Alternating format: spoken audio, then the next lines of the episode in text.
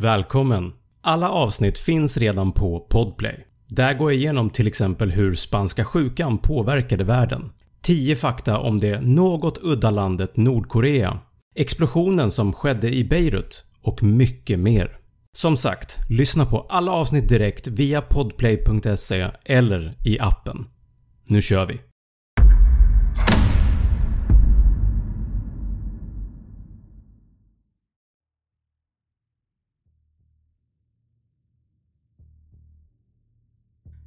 Den 26 maj 2013 åkte en bogseringsbåt med en besättning på 12 personer ungefär 32 km utanför Nigerias kust. Båten bogserade vid det här tillfället ett stort oljetanksfartyg när vågorna utanför båten började att bli mer och mer våldsamma. Plötsligt slog en stor våg till mot den lilla bogseringsbåten och bogseringslinan slets av. Det här fick båten att kantra och den vändes upp och ner i vattnet och började nu att sjunka ner till botten.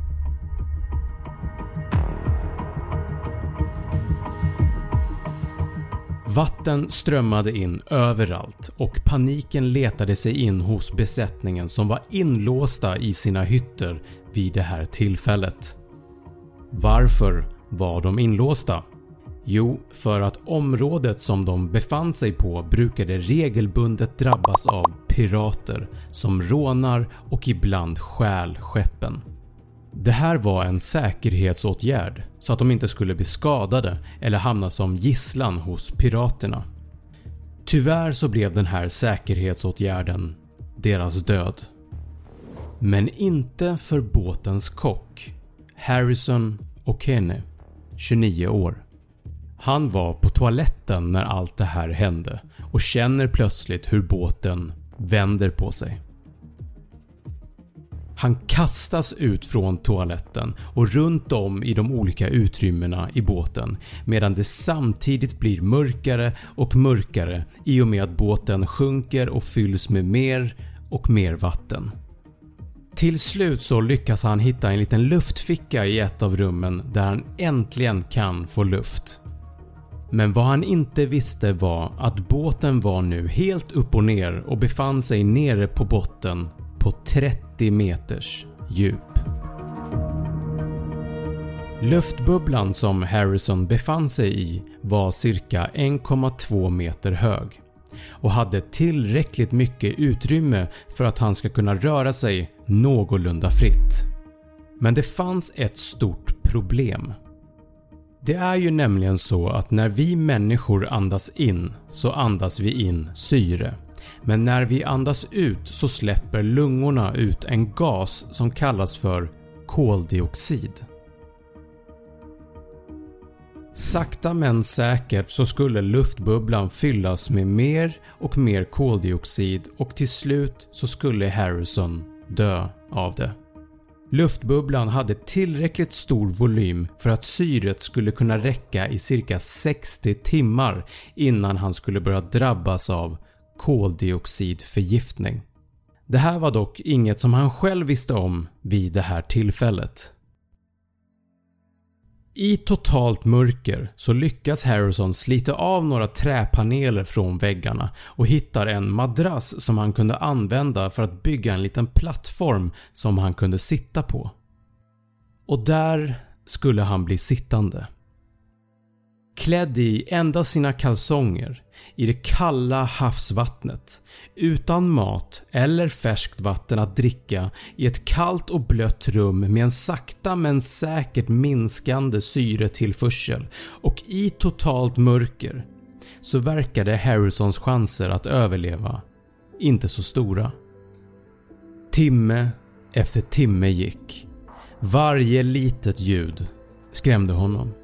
Han kunde höra hur fiskar åt av kropparna från besättningsmedlemmarna och allt han kunde tänka på var att det snart var hans tur. Allt han kunde göra nu var att vänta och hoppas på att någon skulle hitta honom.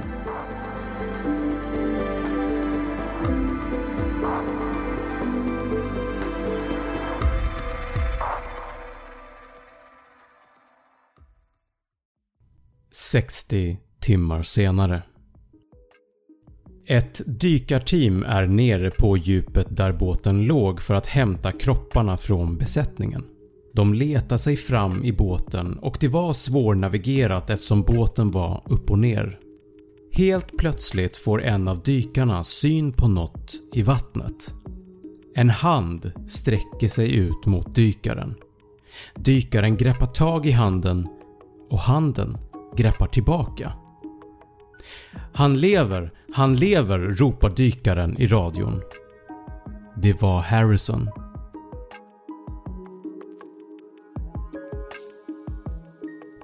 Båda var lika förvånade. Dykaren hade inte förväntat sig att någon hade överlevt och Harrison hade nästan gett upp hoppet om att bli räddad.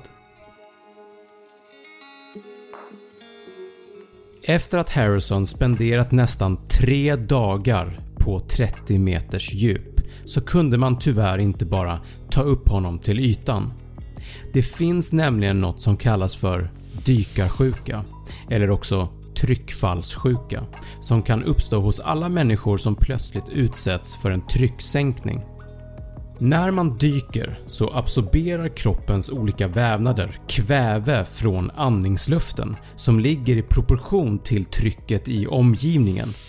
Det här är inget problem så länge man stannar kvar på samma djup eller samma tryck men problemet uppstår när trycket minskas för snabbt.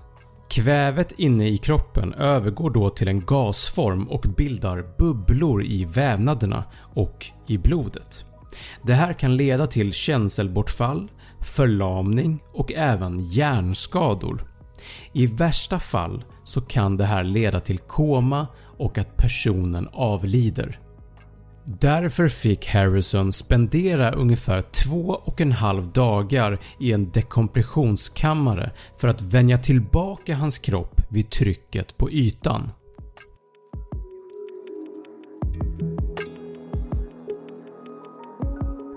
Harrison hade ingen aning om hur länge han hade varit nere i båten. Han gissade på ungefär 12 timmar och blev väldigt förvånad över att han nästan spenderat 3 dagar helt själv i totalt mörker.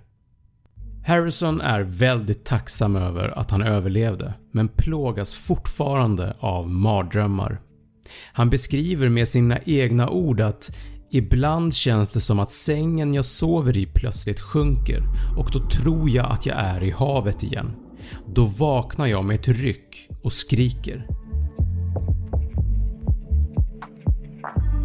Av de 12 personer ombord på båten så var Harrison den enda överlevande. Han beskriver det själv som ett mirakel. Glöm inte att prenumerera på den här kanalen. Och som alltid, tack för att du har tittat. Tack för att du har lyssnat på det här avsnittet. Alla avsnitt finns att lyssna på via podplay.se eller i appen. Glöm inte att prenumerera på min YouTube-kanal Snabbfakta och på Instagram heter jag snabb.fakta. Nästa avsnitt kommer att handla om 1900-talets värsta pandemi, spanska sjukan. Vart den kom ifrån och hur den spred sig över världen och hur många som dog. Missa inte det!